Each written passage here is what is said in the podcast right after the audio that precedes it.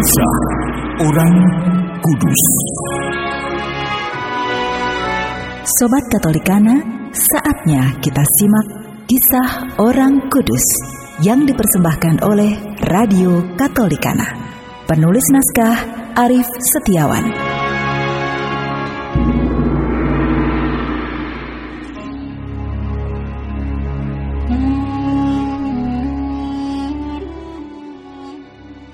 Saudara-saudari, hari ini kita akan mengikuti perjalanan Santo Martinus yang pertama, seorang paus dan martir.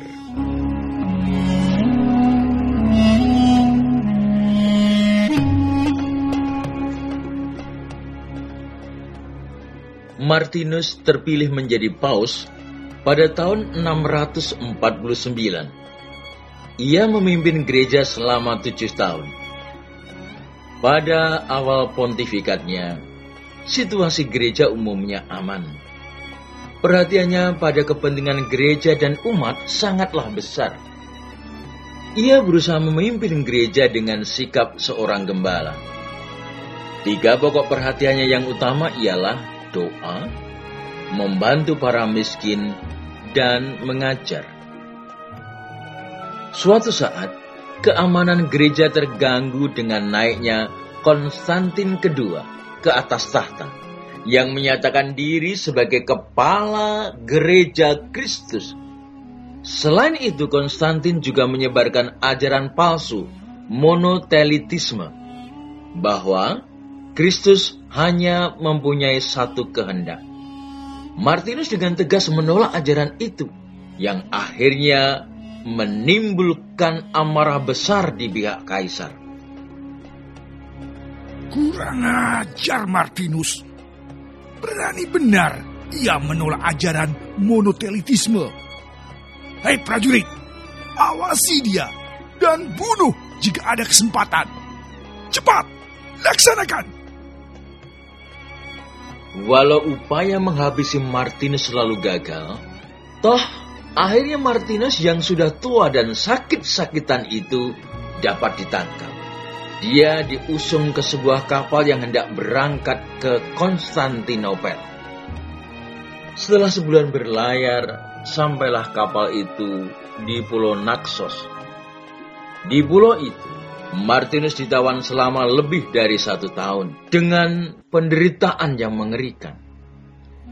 Setelah itu ia dibawa menghadap kaisar.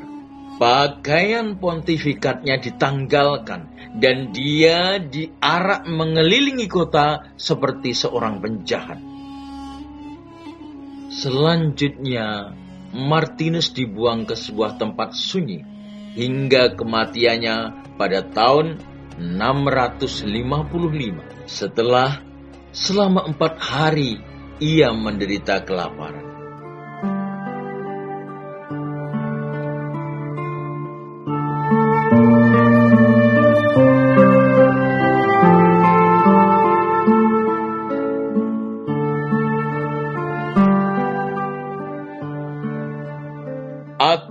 Berkata kepadamu, sesungguhnya Jikalau biji gandum tidak jatuh ke dalam tanah dan mati, ia tetap satu biji saja. Tetapi jika ia mati, ia akan menghasilkan banyak buah. Barang siapa mencintai nyawanya, ia akan kehilangan nyawanya. Tetapi barang siapa tidak mencintai nyawanya di dunia ini, ia akan memeliharanya untuk hidup yang kekal.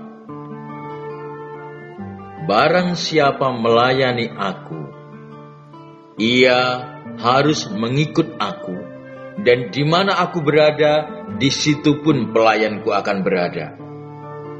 Barang siapa melayani aku, ia akan dihormati Bapa. Saudara-saudari dalam gereja Katolik, figur pribadi-pribadi orang kudus atau santo santa selalu menjadi inspirasi dalam mengamalkan iman kekatolikan kita. Sebagai orang Katolik, kita juga memahami bahwa Santo Santa adalah orang-orang terpilih yang kudus dan hidup bahagia di surga. Kebanyakan dari mereka, tatkala hidup di dunia, mereka telah setia pada imannya.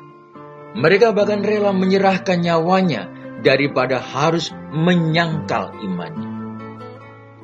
Kehendak Tuhan menjadi pilihan hidup yang terus mereka hayati dan mereka perjuangkan sepanjang hidup.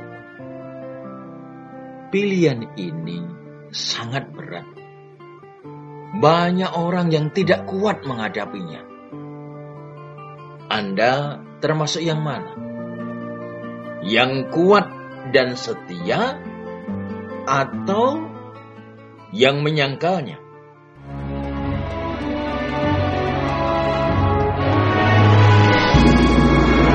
Demikian kisah orang kudus hari ini.